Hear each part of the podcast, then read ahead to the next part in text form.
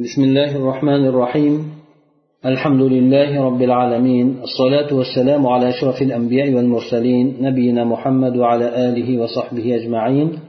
أما بعد أبو داود سنن لردان دومت بلكن درس مزدى نماز كتاب دان أظن بارس في حديث لرديدك قرد إكينش بابتا أبو داود رحمه الله تدلركي باب الأذان للأعمى يعني hop amo bo'lgan odamga ko'zi ojiz bo'lgan odam uchun ozon aytishlikni mumkinligi to'g'risidagi bob ekan bu besh yuz o'ttiz beshinchi bo'lgan hadisda abu dovud rahmaulloh oysha onamizdan rivoyat qilib aytadilarki أن ابن أم مكتوم كان مؤذنا لرسول الله صلى الله عليه وسلم وهو أعمى يعني عبد الله ابن أم مكتوم رضي الله عنه payg'ambar sallallohu alayhi vasallamni ozonchisi edilar Bu kishi ko'zlari ojiz bo'lgan holatlarida deb aytadi. E, demak avvalgi o'tgan darslarimizda aytib o'tgan edik payg'ambar sallallohu alayhi vasallam aytganlar ya'ni kechasida ikki ozon aytilganligi bilol roziyallohu anhu ozon aytadigan bo'lsa ramazonda demak yeb ichaveringlar. Abdulloh ibn umi maktum ozon aytgunigacha deb aytgandilar. Demak abdulloh ibn umi maktum ozon aytuvchi edilar. E, albatta ko'zi amo bo'lgan odamni ozon aytishligi bo'laveradi lekin uni oldida o'sha vaqtni tayin qilib aytib beradigan odam bo'lishligi shart qilinadi deb aytishadi. O'shanday odam bo'ladigan bo'lsa amo bo'lgan odam ozon aytadigan bo'lsa bo'laveradi. Endi albatta o'zi amo bo'lgandan keyin namoz vaqtini kirganligini bu odam o'zi bilolmaydi. Qirq uchinchi bo'lgan bobda aytadilarki babul xuruji minal masjidi ba'dal adan ozon aytgandan keyin masjiddan namoz o'qimasdan chiqib ketishlik to'g'risidagi bob ekan besh yuz o'ttiz oltinchi bo'lgan hadis abu dovud rahmaulloh bu hadisni abishasa degan tobiindan rivoyat qilgan ekan bu kishi aytadilarki كنا مع أبي هريرة رضي الله عنه في المسجد فخرج رجل حين أذن المؤذن للعصر فقال أبو هريرة أما هذا فقد أصى أبا القاسم E, sollallohu alayhi vasallam muslim ham bu hadisni rivoyat qilgan ekan. Bunda bu kishi aytadilarki biz abu hurara roziyallohu anhu bilan masjidni ichida edik. Bir odam muazzin asrga ozon aytgan paytida tashqariga chiqib ketib qoldi. Ya'ni masjiddan tashqariga chiqib ketib qoldi. Shunda abu roziyallohu anhu aytdilarki bu odam abu qosimga ya'ni rasululloh sollallohu alayhi vasallamga osiy bo'ldilar deb aytdi. Negaki payg'ambar sallallohu alayhi vasallam o'sha narsadan qaytargan edilar. Ya'ni ozon aytiladigan bo'lsa namoz o'qimasdan turib masjiddan chiqib ketishlikdan qaytargandilar.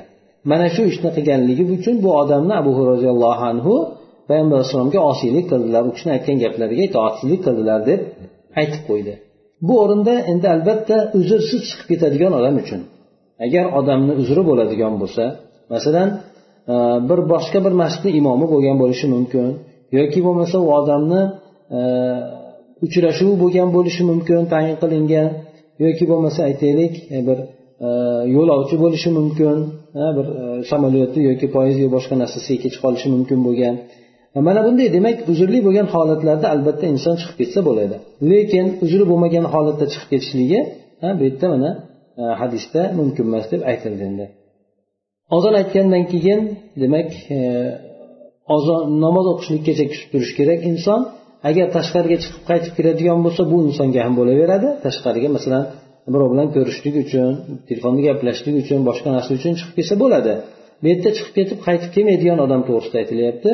Hamda u odam beuzr bo'ladigan bo'lsa agar aytib o'tganimizdek uzrli bo'ladigan bo'lsa albatta bu o'rinda u odamni holati ma'zur tutiladi. Ya'ni bu hadisga unda tushmaydi bu odam gunohkor bo'lmaydi qirq to'rtinchi bo'lgan bobda babun fil muaddini yantazirul imom ya'ni imomni muazzin to'g'risidagi ya'ni imomni kutib turadigan muazzin to'g'risidagi bob ekan endi bu hadisda jobir ibn samuradan rivoyat qilinadi aytadiki كان بلال يؤذن ثم يمهل فإذا رأى النبي صلى الله عليه وسلم قد خرج أقام الصلاة ya'ni jobir ibn samur roziyallohu anhudan rivoyat qilinadiki u kishi aytadilar bilol roziyallohu anhu ozon aytardilar. So'ng bir muddat kutib turardilar takbir aytishlik uchun. Agar payg'ambar sallallohu alayhi vasallamni uydan chiqqanini ko'rsalar o'sha paytda namozga iqomat aytadilar takbir aytadilar deydi. Demak o'sha muazzin imomni to chiqqunigacha imomni kelgunigacha kutib turar ekan. Mana bu yerda demak o'sha payg'ambar alayhissalom imom bo'ladigan bo'lsa bu kishini uylari masjidga qo'shni bo'lgan hujralaridan to'g'ri masjidga kirib kelgan payg'ambar sallallohu alayhi vasallam. Demak o'sha payg'ambar alayhissalomni hujrasidan chiqqanligini ko'rgan paytida namozga demak ozon e, takbir aytganlar endi. Demak orada bir muddat inson shoshilmasdan imomni chiqishini kutib turishligi mana bu yerda aytib o'tilyapti. Qirq beshinchi bo'lgan bobda aytadiki tasvib to'g'risidagi tasvib degani bu ko'proq e, o'sha e, deb aytishlik ya'ni uyqudan ko'ra namoz yaxshiroq deb turib mana bomdod namozi qo'shib qo'yiladi ana o'sha ozonida qo'shib qo'yiladi mana shuni tasvib deb aytiladi endi bir kuni mana e, mujohiddan rivoyat qilinadiki قال كنت مع ابن عمر رضي الله عنهما فثوب رجل في الظهر أو العصر قال اخرج بنا فإن هذه بدعة من عبد الله بن عمر رضي الله عنه bilan birga edim bir odam peshin vaqtida yoki asr vaqtida o'shanday ozonga qo'shib aytib yubordi ya'ni assolatu xayrun minan navm deya qo'shib yubordi ya'ni bu aslida aytiladigan o'rni faqat bomdod namozi deydi bomdod namoziga bo'ladigan ozon deydi lekin bu odam peshin yoki asr paytida aytdi shunda abdulloh umar aytdilarki chiqib ketaylik bu yerdan dedi. Chunki bu narsa bidatdir. Buni atayratdan qasddan aytishlik bu bidat hisoblanadi. Sababi bu e, deb aytishlik faqat bomdodda kelgan boshqa namozlarda aytilmaydi. Agar endi odam boshqa namozlarda qasd qilib aytadigan bo'lsa bu narsa yangicha tutib olingan narsa bo'ladi. Shundan bidat sanaladi. Qirq oltinchi bo'lgan E, bobda. Demak ozonni so'zlariga o'zini o'z so'zlarini aynan masalan shariatda kelgandek holatda aytishlik kerak bo'ladi. Unga oshiqcha narsalar qo'shishlik e, to'g'ri emas. Chunki bu narsani qasddan qilishlik bidatga aylantirib qo'yadi. E, ana o'shani jihatidan demak ozon aytiladigan bo'lsa yoki aytaylik umuman shariatda ayni so'zlari iroda qilib kelingan zikrlar bo'ladigan bo'lsa ham ularga qo'shilmasdan ayni o'zlarini aytishlik kerak bo'ladi. Masalan aytaylik subhanalloh deb aytishlik mana nimadan keyin alhamdulillah allohu akbar ba'zilar subhanalloh yasifun yoki boshqa boshqa narsalarni mana aytib namozdan keyingi tasbeh aytishlarda qo'shib qo'yadi. Bu narsalar ham e, agar inson qasddan qilib shu narsani orqasidan ibodat e, yaxshi bo'ladi degan narsada qiladigan bo'lsa bu ham bidatga aylanib qoladi. Qirq oltinchi bo'lgan bobda aytadiki باب في الصلاة تقام ولم يأتي الإمام ينتظرونه قعودا bu bob takbir aytilgan namoz to'g'risida ekan. Takbir aytilganu lekin imom hali kelmagan. Bular imomni o'tirgan namozxonlar o'tirgan holatida kutadilar. Shu to'g'risidagi bob ekan. besh yuz o'ttiz to'qqizinchi bo'lgan hadis bu hadisni abu qotada roziyallohu anhudan rivoyat qilinadi. U kishi payg'ambar sallallohu alayhi vasallamdan rivoyat qilib aytadilarki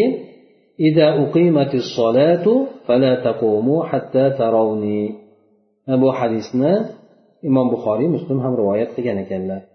Agar namozga takbir aytiladigan bo'lsa meni ko'rmagunlaringizgacha o'rnlaringizdan turmanglar dedi. Demak ozon aytilib takbir aytilib takbir aytiladigan bo'lsa ham men agar ko'rmagan bo'lsanglar men hali chiqmagan bo'lsam ham o'tirgan holatda kutib turinglar. Ya'ni tikka turib olib kutib o'tirmanglar chunki insonga biroz zahmat e, yetkazadi bu tika turib kutishlik chunki uni orasida yosh qari bo'lgan kasal bo'lgan boshqa odamlar bo'lishligi mumkin. Shuning uchun e, o'tirgan holatda kutinglar dedi. E, meni o'sha ko'rgunlargacha o'rninglardan turmanglar takbir aytilgan taqdirda ham dedi. Ya'ni imomni chiqishligini o'sha kutib turishlik bu yerda aytilyapti. Undan keyingi demak buni e, qo'shimchasida keladiki hatto meni ko'rgunlaringizgacha o'rinlaringizdan turmanglar va sizlarda xotirjamlik bo'lgan holatida ya'ni xotirjamlik bo'lgan holatida turinglar. Ya'ni bu xotirjamlik bo'lgan albatta hushuga yordam beradi. Inson aytadi yugurib kelishligi bu yerda insonlarni boshqa xatti harakat qilishliklari o'zlarini charchatib chalg'itadigan demak bu narsalar bu o'rinda nojoiz bo'ladi. Sababi insondagi hushuni yo'qolishligiga boshqalarni chalg'itishlikka mashg'ul bo'lishligiga sabab bo'lib qoladi. Masalan aytaylik bir odam namozga yugurib keladigan bo'lsa qonsirashligi bilan boshqalarni ham o'ziga jalb qilib qo'yadi ularni chalg'itib qo'yadi. Shu bilan birgalikda hushusi ham demak insondan to o'zini eplagungacha ancha hushusi ham ketib qoladi. Ana shuning uchun payg'ambar alayhissalom namozga kelayotgan paytda yugurishlikdan qaytarganlar. Xotirjam sekin sakinat bilan kelinglarda agar insondan e, o'tib ketib qolgan bo'lsa bir rakat ikki rakat o'sha narsani keyin ado etib qo'yasizlar deb aytib o'tganlar. Undan keyingi bo'lgan hadisda besh yuz qirqinchi bo'lgan hadis ekan e, bunda ham ayni shu masala ko'riladi. Bunda payg'ambar alayhisalom aytganlarki hatta tarovni qad xorajtu imom muslim shu so'z bilan rivoyat qilgan ekan. Meni chiqqan ekanligimni ko'rgunlaringizgacha o'rlaringizdan turmanglar dedi. Ya'ni men chiqib bo'lgan ekanligimni.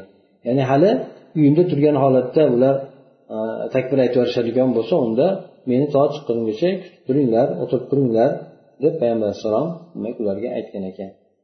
Besh yuz qirq birinchi bo'lgan hadisda buni abu roziyallohu anhudan rivoyat qilingan. Payg'ambar sallallohu alayhi vasallam demak e, an u kishi aytadilarki rasulillahi sollallohu alayhi vasallam abu roziyallohu anhu aytadilarki namoz bu payg'ambar sallallohu alayhi vasallam uchun qoyim qilinar edi ya'ni takbir aytilar edi. Ya'ni takbir aytilishligi imom uchun aytiladi. Imom kelgan paytida imom kelganligi uchun aytiladi. Imom kelgan paytida aytiladi bu narsa. Ya'ni imom kelmaydigan bo'lsa unda aytilmaydi takbir. Imom turadigan bo'lsa u imomga aytiladi takbirni ya'ni bu degani imom kelgunigacha kutib turishlik deganini anglatadi. Agar endi imom kechikib ketib qoladigan bo'lsa unda mana payg'ambar alayhissalomni davrlarida u kishi kechib qoladigan bo'lsa ham kutib turishgan. Chunki bironni biron narsa payg'ambar alayhisalom mashg'ul bo'lib qolgandir boshqa bo'lib qolgandir deb lekin endi hozirgi paytlarda hamma namozlarni vaqtlari tayin qilingan.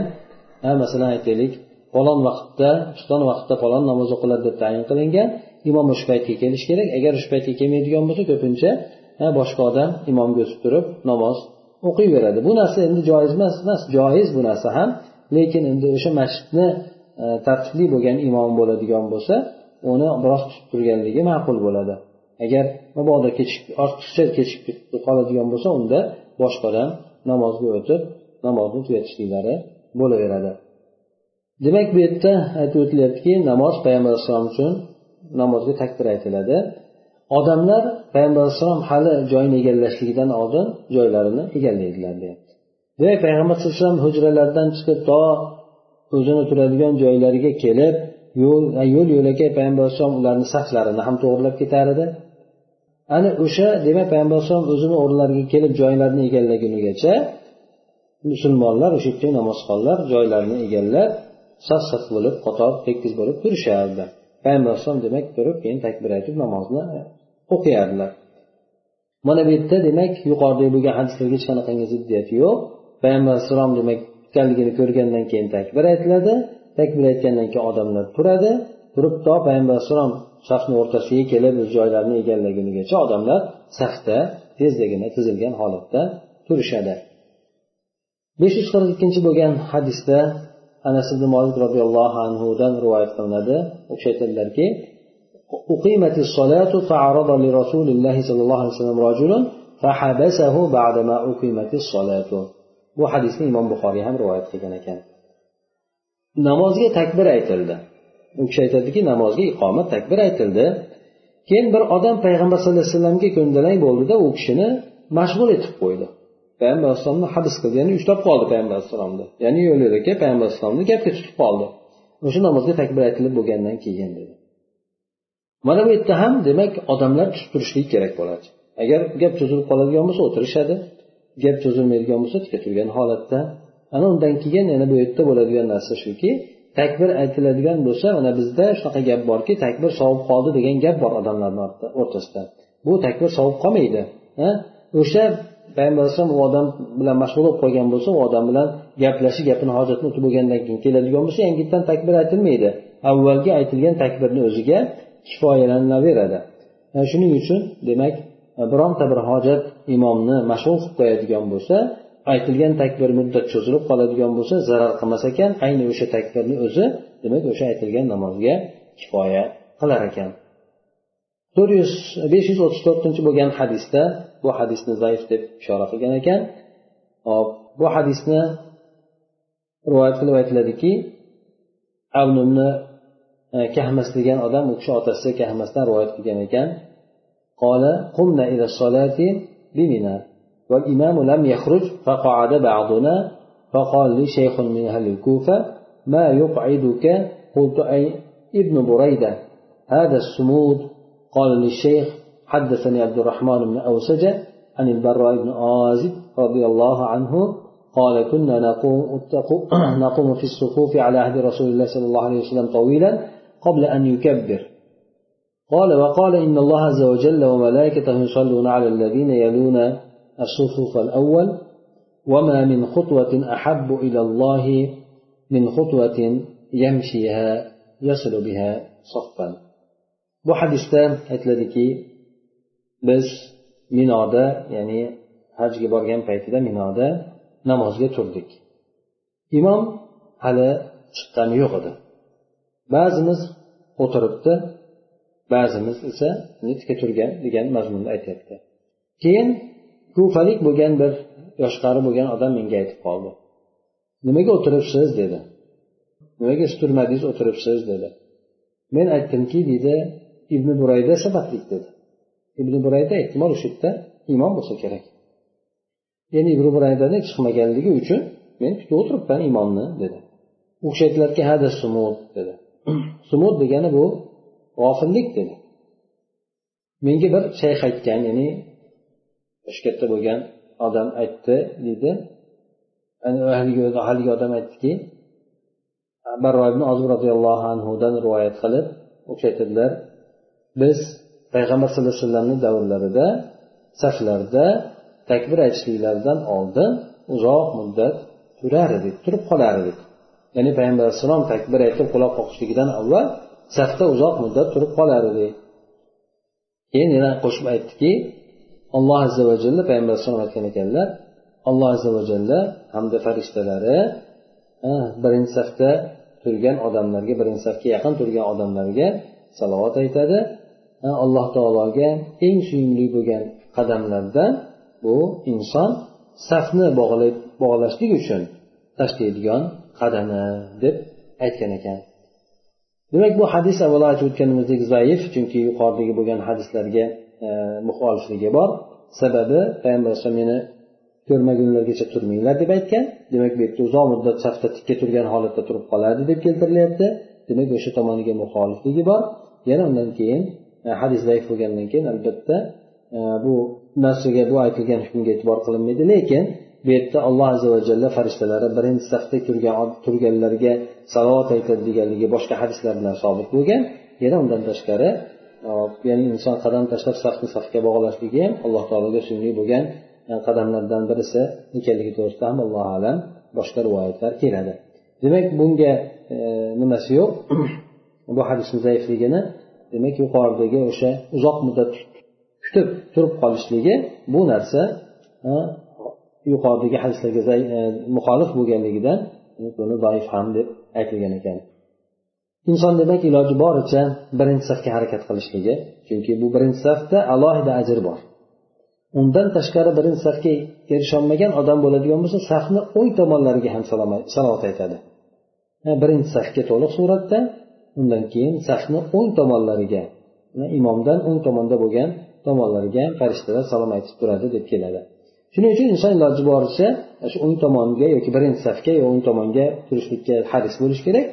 agar endi o'ng tomonda joy bo'lmasa albatta chap tomonda bo'lsa ham o'zini turgan joyini o'sha bo'sh turgan joyini albatta egallab o'sha joyda namoz o'qiyveradi besh yuz qirq to'rtinchi bo'lgan hadisda keltiradiki anas ibn molik roziyallohu anhudan rivoyat qilinar ekan أقيمت الصلاة ورسول الله صلى الله عليه وسلم نجي في جانب المسجد فما قام إلى الصلاة حتى نام القوم namozga takbir aytilib bo'lgan edi Rasululloh sollallohu alayhi vasallam masjidni bir tomonida birov bilan suhbatlashib turgan. Naji degani ya'ni yakka holatda suhbatlanadi sir sir qilib gaplashib turishlikni aytadi. Ya'ni birov bilan e, birovlar eshitmaydigan ovozda pichirlab gaplashib turgan edi payg'ambar alayhissalom takbir aytilib bo'lgan edi. Bir chekada payg'ambar alayhissalom demak bir odam bilan pichirlab gaplashib turgan edi. Namozga turmadilar hattoki qavm uxlab qolgan edi deydi. Ya'ni namozni kutib ancha muncha odam uxlab qolgan yoki ba'zilar xo'rragan otayotgan lekin bu narsa safda o'tirgan holatda bir narsaga suyanmasdan uxlaydigan bo'lsa insonni tahorati ketmasligiga aytib o'tilgan edi. Demak bunga o'xshagan ba'zilarni boshqa hadislarda xurraylari ham eshitilgan deb keltirib o'tiladi. Lekin tahorat qilmasdan namozga turib ketishaverardi. Demak ular bir narsaga suyanmagan holatda o'zlarini o'rnashtirib ya'ni o'zlarini e'tibor qilgan holatda o'tirishar edi ana o'shanda demak uxlab qoladigan bo'lsa ham bulardan tahorati ketmasdi lekin bular suyanmaganligi uchun demak o'zlarini o'zlari bilib turadigan holatda bo'lgan. Albatta bu yil chiqishligini to'sib turadigan holatni ko'rinishida bir o'tirishganlar besh yuz qirq beshinchi bo'lgan hadis doif ekan. Bu yerda bu hadisni solim e, abi nasr nazr degan e, odam rivoyat qilgan ekan. Aytadiki rasululloh sallallohu alayhi vasallam إذا رآهم قليلا جلس لم يصلي وإذا رآهم جماعة صلى ya'ni payg'ambar sallallohu alayhi vasallam masjidda namozga iqomat aytilgan paytida qarardilar agar odam ozchilik bo'lsa o'qimasdan kutib turardilar agar ko'proq odam bo'ladigan bo'lsa bir jamoatni ko'radigan bo'lsa namoz o'qiyardilar deb keladi demak bu hadis zaif ekan demak bunday qilinmaydi lekin agar boshqalarni ham vaqti bo'ladigan bo'lsa aytilgan vaqtdan e, kechiktiribroq namoz o'qishligi mumkin. Yana aytaylik yana boshqa odamlar jamoatga kelib qolishligi agar umid qilinadigan bo'lsa. Agar yo'q aytilgan kelishilgan vaqtda e, jamoatni oshishi vaqti bo'lmaydigan bo'lsa ba'zi shoshilganlar bo'ladigan bo'lsa unda albatta kelishilgan aytib qo'yilgan belgilab qo'yilgan vaqtda namozni o'qishligi kerak bo'ladi. besh yuz qirq oltinchi bo'lgan hadis bu hadisni ham isnodini zaif deb keltirgan ekan. Yuqoridagi bo'lgan hadisni boshqa rivoyat yo'li bilan keltirilgan ekan. Qirq yettinchi bo'lgan e, bobda jamoatni tark qilishlikda qattiq turishlik to'g'risidagi bob ekan endi. Jamoatni tark qilib bo'lmasligi to'g'risida yoki jamoat tark qilishlik to'g'risida qattiq qattiq so'zlar aytilganligi to'g'risidagi bob ekan. Besh yuz qirq yettinchi bo'lgan hadis bu hadisga hasan deb ishora qilinyapti. Abu dardo roziyallohu anhudan rivoyat qilinadi. aytadilarki samiatu rasululloh sollallohu alayhi vasallam yaqul ma min thalathatin fi qaryatin wala badwin la tuqamu fihim as-salatu illa qad istahwadha alayhim ash-shaytan فعليك بالجماعة فإنما يأكل الذئب القاصية قال زائدة قال السائب يعني بالجماعة الصلاة في الجماعة abu dardo roziyallohu anhu aytadilarki men rasululloh sollallohu alayhi vasallamni shunday deyotganligini eshitganman biron bir qishloqda yoki biron bir sahroda uchta odam bo'ladigan bo'lsa ularni orasida namoz qoyim qilinmaydigan bo'lsa shayton ularni egallab oladi. Shunday ekan siz jamoatni lozim tuting ya'ni jamoat bilan namoz o'qishlikni lozim tuting. Sababi zero bo'ri ajrab qolganni yeydi ajrab qolgan podadan ajrab qolgan qo'yni yeydi deb aytgan ekan. Bu hadis demak bu aslida bob bob ostida kelayotgan bir qancha hadislar bor. Bular hammasi jamoat bilan namoz o'qishlikni e, ta'kidlik holat ekanligini bayon qiladi. Ya'ni jamoat bilan namoz o'qishlik agar inson va uyi masjidga yaqin bo'ladigan bo'lsa masjid jamoasi bilan birgalikda o'qiydi. E, agar masjid uzoq bo'ladigan bo'lsa unda inson o'sha imkoniyat topgancha oilasidami yoki birodarlar bilan birgami o'sha yerda jamoat bo'lgan holatda namozni o'qishligi ta'kidlanadi. Qancha masofagacha endi e, nima bo'lishligi mumkin? E, odam albatta jamoatga borishligi talab qilinadi insondan qancha masofagacha bo'ladigan bo'lsa yoki u odamdan e, bu narsa soqit bo'ladi. Aytishadiki asosan ozonni eshitishligi ya'ni ozon mo'tadil bo'lgan holatda ya'ni mikrofon bilan emas ovoz bilan ovoz bilan aytaylik. Ozonni balandroq qilib aytiladi lekin bunda hech qanday shamol bo'lmasa yoki bo'lmasa e, ko'chadagi tovushlar bo'lmasdan insonni ovozi masalan bomdod vaqtida ozon aytgan payti yetib boradigan joy bo'lsa mikrofonsiz ana o'sha joygacha bo'lgan masofadagilar masjidga kelishligi talab qilinadi. Yetib bormaydigan bo'lsa ovozi unda ularga masjidga berishligi talab qilinmaydi lekin bular uylari masofasi qancha uzoq bo'ladigan bo'lsa masjidga yurib keladigan bo'lsa ajri boshqalarnikidan ko'ra ko'proq bo'ladi. Chunki inson boshqa hadislarda ham keladi har bir bosadigan qadami uchun bittadan gunohlari kechirilishligi hamda bittadan darajasi ko'tarilishligi to'g'risida hadislarda ham kelib o'tiladi. Undan tashqari yana insonlar o'sha qorong'ularda namozga kelayotgan insonlarni qiyomat kunidagi nur bilan bashorat bering degan mazmundagi payg'ambar alayhisalomni hadislari ham bordir. Bu yerda payg'ambar sallallohu alayhi vasallam aytib o'tyaptilar demak uch kishi bo'ladigan bo'lsa qishloqda bo'lsin yoki sahroda bo'lsin bularda albatta jamoat bilan namoz o'qishligi e, zarur bo'lib qoladi. Agar aks holda unday qilishmaydigan bo'lsa ularni shayton egallab oladi. Shayton egallab olishligi insonlarni ko'p o'rtasini fitna solinishligiga bularni iymonlarini zaiflashligiga olib borib qo'yadi. Shunday ekan siz jamoat bilan namoz o'qishlikni lozim tuting dedilar. Bo'ri podadan ajragan qo'yni yeydi deganda chunki bo'riga osonroq bo'ladi. Ha mana aytaylik boshqa hayvonlar ham ovlovchi bo'lgan hayvonlar ham podadan ajratib turib e, olishligi bularni osonroq bo'ladi. Chunki podani chekiradigan bo'lsa unda e, ular ham ba'zan shikast yetib qolishligi yoki bo'lmasa halok bo'lib ketishligi ham mumkin. Shuning uchun podadan ajraganni yeyishlikka harakat qiladi. Shayton ham odamlarni ichidan ularni iymonini quvvatlatib turadigan boshqa kimsalar bo'lmasa ularni E, bir amallarga undab turadigan yoki ularni bir birlarini iymonlashib turadigan odamlar bo'lmaydigan bo'lsa yoki uzoq bo'ladigan bo'lsa ana o'shanday bo'lgan kimsalarni ko'proq ovlashlikka harakat qiladi. Shuning uchun shaytonga ov bo'lib qolmang degan mazmunda payg'ambar alayhissalom demak aytib o'tgan ekanlar. Bu hadisdagi alayka bil jamoat jamoatni lozim tuting degandagi murod bu namoz haqida kelayotganligi uchun jamoatda namoz o'qishlikni deb bu yerda roviylardan birisi aytib qo'ygan ekan. Undan keyingi hadis besh yuz qirq sakkizinchi bo'lgan hadis abu hurra roziyallohu anhudan rivoyat qilinadi. قال قال رسول الله صلى الله عليه وسلم لقد هممت أن آمر أن أمر بالصلاة فتقام ثم آمر رجلا فيصلي بالناس ثم أنطلق مع ثم أنطلق معي برجال ومعهم معهم حزم من حطب إلى قوم لا يشهدون الصلاة فأحرق عليهم بيوتهم بالنار bu muttafaqun alayh hadis ham ekan.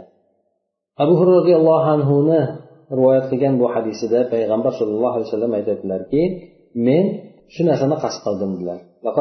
Men shu narsani qasd qilgan edim. Lom bu yerda vovga qasamga javob suratda kelyapti. Qot demak tahqiqiya ya'ni ta'kidlab kelyapti bu narsani. Shu narsani qasd qilgan bo'lardim.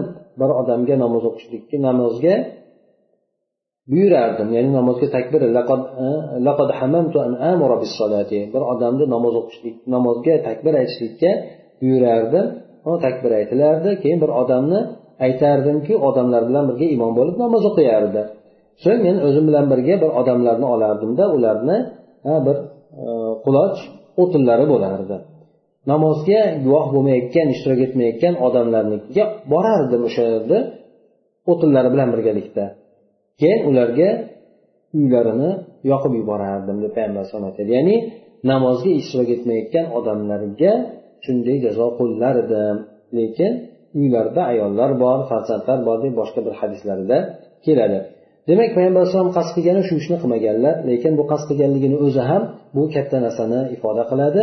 Namozga jamoatga ishtirok etmaydigan imkoniyati bo'lib namozni masjidda o'qishlik holat talab qilinadigan holatiga bemalol javob qiladigan suratda borib o'qimasligi katta xatarli bo'lgan narsa ekanligi mana shu hadisdan ham tushuniladi.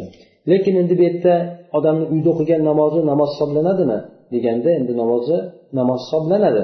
Albatta jamoatdan tashqarida o'qiladigan bo'lsa ham namoz hisoblanadi lekin bu jamoatni ta'kidlashlik uchun mana shunday payg'ambar alayhissalom demak uslubni aytib o'tdilar.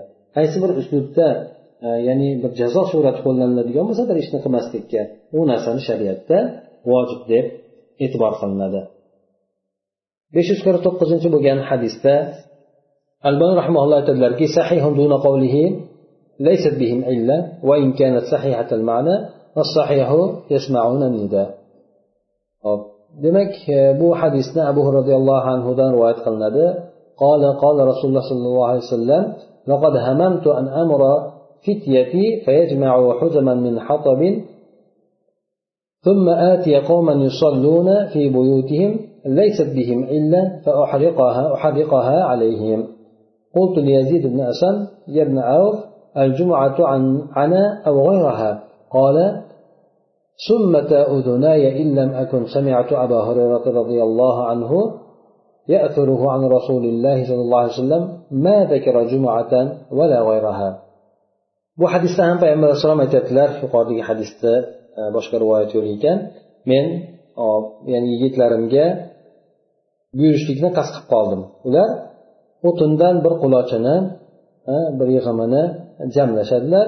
So'ng men uylarida namoz o'qiydigan odamlarni oldlariga boraman. Ular hech qanaqangi illati kasali sababi bo'lmasdan uylarida namoz o'qiyotgan odamlarni oldilariga boraman. Keyin ularga uylarini yoqib yuboraman dedilar. Mana bu hadis asosan mana e, abdulloh masud roziyallohu anhudan ham rivoyat qilinganda aytilgandiki ya'ni jamoatdan yana quyida ham keladi munofiq bo'lgan odamgina qolar edi ya'ni bularni orasida ma'lum edi jamoatga umuman chiqmay qo'yadigan odamlar ko'proq munofiq odamlar bo'lardi. Payg'ambar alayhisalom bularga shuning uchun mana shunday uslubni qo'llashlikni qasd qilganligini lekin bu uslubni qo'llamaganligini aytib o'tadilar. Shunda roviylardan birisi aytadiki e, yazid ibn asamga aytdimki ya aboav bu yerda payg'ambar sallallohu alayhi vasallam bu aytganligi bilan jumani qasd qilganmilar yoki boshqasinimi? Albatta jumaga ishtirok etmayotgan odamlarni uyga borib o'tni yoqib yubormoqchi bo'lganmi yoki boshqa namozlarda ham aytganmi? deganda u kishi aytgan ekanlarki men agar mana shu hadisni abu roziyallohu anhudan eshitmagan bo'lsam quloqlarim kar bo'lib qolsin. u kishi payg'ambar alayhissalomdan rivoyat qilib aytadilar lekin bu hadislarida u kishi na jumani zikr qilganlar na boshqasini zikr qilganlar ya'ni umumiy suratda mana shu gapni aytib o'tganlar demak buni ichiga juma ham jamoat ham kiradi deb degan maqsadda aytgan ekanlar besh yuz elliginchi bo'lgan hadis bu hadisni abdulloh masud roziyallohu anhuni o'zlarini so'zlaridan rivoyat qiladi u kishi aytadilarki حافظوا على هؤلاء الصلوات الخمس حيث ينادى بهن فإنهن من سنن الهدى وإن الله عز وجل شرع لنبيه سنن الهدى ولقد رأيتنا وما يتخلف عنها إلا منافق بين النفاق ولقد رأيتنا وإن الرجل ليهادى بين رجلين حتى يقام في الصف وما منكم من أحد إلا وله مسجد في بيته ولو صليتم في بيوتكم وتركتم مساجدكم تركتم سنة نبيكم ولو تركتم سنة نبيكم لكفرتم. آه مسلم رواية كان بلفظ abdulloh masud roziyallohu anhu aytadilarki sizlar mana shu besh vaqt namozlarga qayerda nido qilinadigan bo'lsa ham qayerlarda ozon aytiladigan bo'lsa ham chaqiriladigan bo'lsa o'sha joylarda rioya qilinglar. Chunki bu namozlar hidoyat yo'llaridan hisoblanadi. Alloh azza va jalla o'zi payg'ambari sollallohu alayhi vasallamga hidoyat yo'llarini sunnatlarini shariat qilib bergandir. Men o'zimizni ko'rardimki bu namozlardan faqatgina munofiqligi aniq bo'lgan odamgina ortda qolar edi. Men yana o'zimizni ko'rardimki bir odam ikkita odamni o'rtasida oyog'i sudrab kelinardida hattoki safga qo'yilar edi. Ya'ni ikkita odam bir odamni ko'tarib olib kelishardi qo'ltig'ini tagiga kirishib hatto safga olib kelib qo'yilardi. Ya'ni bu inson o'zi yurolmaydigan bo'lsa ham yoki kasal bo'lsa ham lekin imkoniyati bo'ladigan bo'lsa bu odamni safga olib kelinadi. Bu olib kelinishligi endi bular e, ixtiyoriy suratda kelgan bo'lishi ham mumkin yoki bo'lmasa shunday agar yotib qoladigan darajada bo'lmasa ko'tarib kelishlik imkoniyati bo'ladigan bo'lsa yordam berib olib kelgan bo'lishlari ham mumkin. Lekin sizlardan har biringlar bo'lsa bularni alohida uyda masjidi bor. Agar sizlar uylaringizda namozni o'qiyveradigan bo'lsanglar va masjidlaringizni tark qiladigan bo'lsalaringiz payg'ambarlaringizni sunnatini tark qilgan bo'lasizlar. Agar payg'ambarlar sunnatlarini tark qiladigan bo'lsalaringiz unda kufroni ne'mat qilgan bo'lasizlar. Ya'ni yo'ldan adashib ketib qolgan bo'lasizlar deb aytgan ekan. Mana shu ladolaltum degan so'z lakafartum kofir bo'lishlikni o'rniga ladolaltum degan so'z bu shu hadislarni saqlanib qolgan so'zi mana shu rivoyati to'g'riroq deb aytib o'tadi. Demak bu o'rinda lakafartum emas ladolaltum deb aytiladigan bo'lsa shunisi to'g'riroq bo'lar ekan. Bu e, abdulloh masud roziyallohu anhuni so'zlaridan ham e, ya'ni jamoatni e, lozim tutishlik to'g'risida ta'kid o'tyapti bu yerda ham. besh yuz ellik birinchi bo'lgan hadis bu yerda sahihun duna jumlatil uzri va va la solata lahu degan so'z bilan ekan bu hadisni abdulloh abbos roziyallohu anhudan rivoyat qilinadi. U kishi aytadilarki qola rasululloh sollallohu alayhi vasallam man sami'al munadiya فلم يمنعه من اتباعه عذر قالوا وما العذر قال خوف أو مرض لم تقبل منه صلاة التي صلى kim bir ozon aytuvchini eshitadigan bo'lsayu unga ergashishlikdan biron uzr uni man qilmaydigan bo'lsa deb aytganlarida ba'zilar aytgan ekanki qanaqa uzr nima bo'ladi uzr deganda qo'rquv yoki kasallik ya'ni inson qo'rquv bo'ladigan bo'lsa yoki kasallik bo'ladigan bo'lsa unda jamoatga chiqmasligiga ruxsat beriladi. Agar shunday bo'lmaydigan bo'lsa unda jamoatga albatta chiqish kerak degan so'zni aytib o'tilyapti. Bu yerda u odamdan o'qigan namozi qabul qilinmaydi dedi. O'qigan namozi qabul qilinmaydi. Bu yerda boshqa bir rivoyatida kelgan ekan. Demak o'shanga ishora qilib aytyapti jumlatul uzri degani uzr jumlasiz vamal uzru degan so'z kelmagan bu yerda bu so'z demak sahih ekan shunday so'z bilanki vala solatilahu lam tuqbal minhu solatu solla emas balki la solatalahuni demak namozi yo'q degan so'z bilan e, sahih deb keltirib o'tilyapti. Bu yerda demak insonni qabul qilinmasligi o'shanga ajri kam bo'lishligi. Ajri kam bo'lishligi ya'ni namoz o'qigan bo'lsa butunlay namozi qabul bo'lmay ketmaydi emas balki namozi qabul qilinishligi mumkin lekin ajri kamayib ketadi. Chunki e, namoz jamoat bilan o'qiladigan namozga ajr ham ko'proq beriladi. Undan keyingi hadisda abdulloh ibn umm maktumdan rivoyat qilinadiki u kishi payg'ambar sallallohu alayhi vasallamdan so'radilar aytdilarki ya rasululloh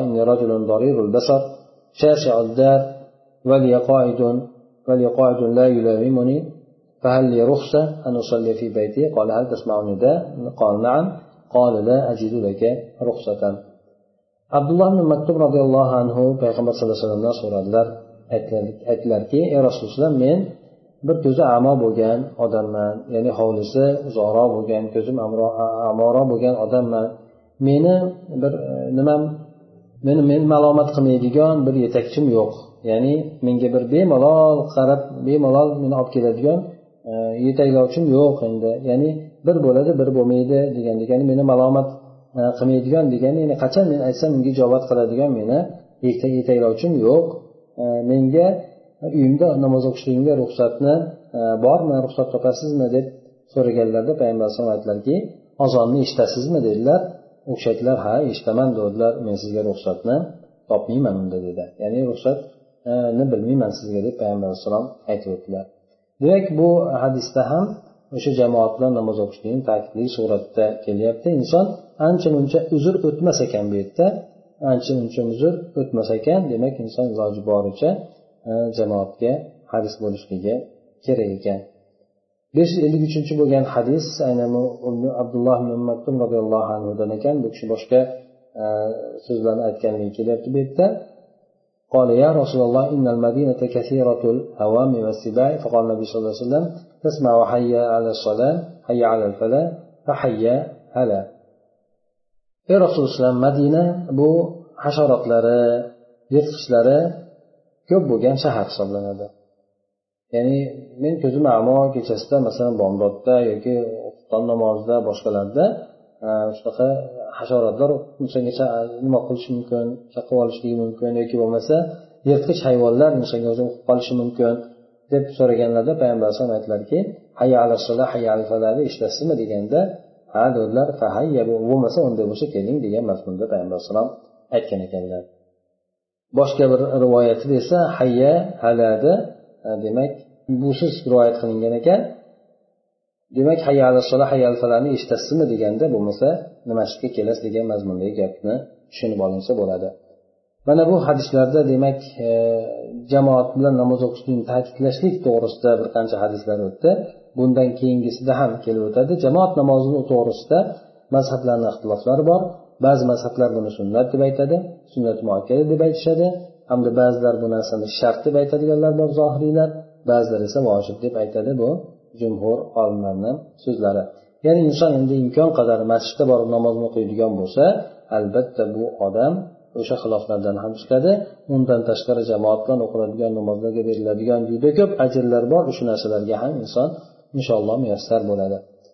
Aks holda endi inson ba'zan uzri bo'ladi ishda o'qishda boshqa bo'lganligi uchun jamoatga chiqolmasligi. Albatta bu narsalar ham bir uzrga o'tadi. Lekin inson imkoniyati bo'lgan holatida masjid yaqinroq bo'ladigan bo'lsa u masjidga chiqishligi ma'qulroq bo'ladi hamda o'sha masjidda namoz o'qishligini ajri ham ko'p bo'ladi undan tashqari aytib o'tganimizdek xilofdan ham inson xoli bo'ladi سبحانك اللهم وبحمدك نشهد ان لا اله الا انت نستغفرك ونتوب اليك اللهم انفعنا بما علمنا وعلمنا ما ينفعنا وزدنا علما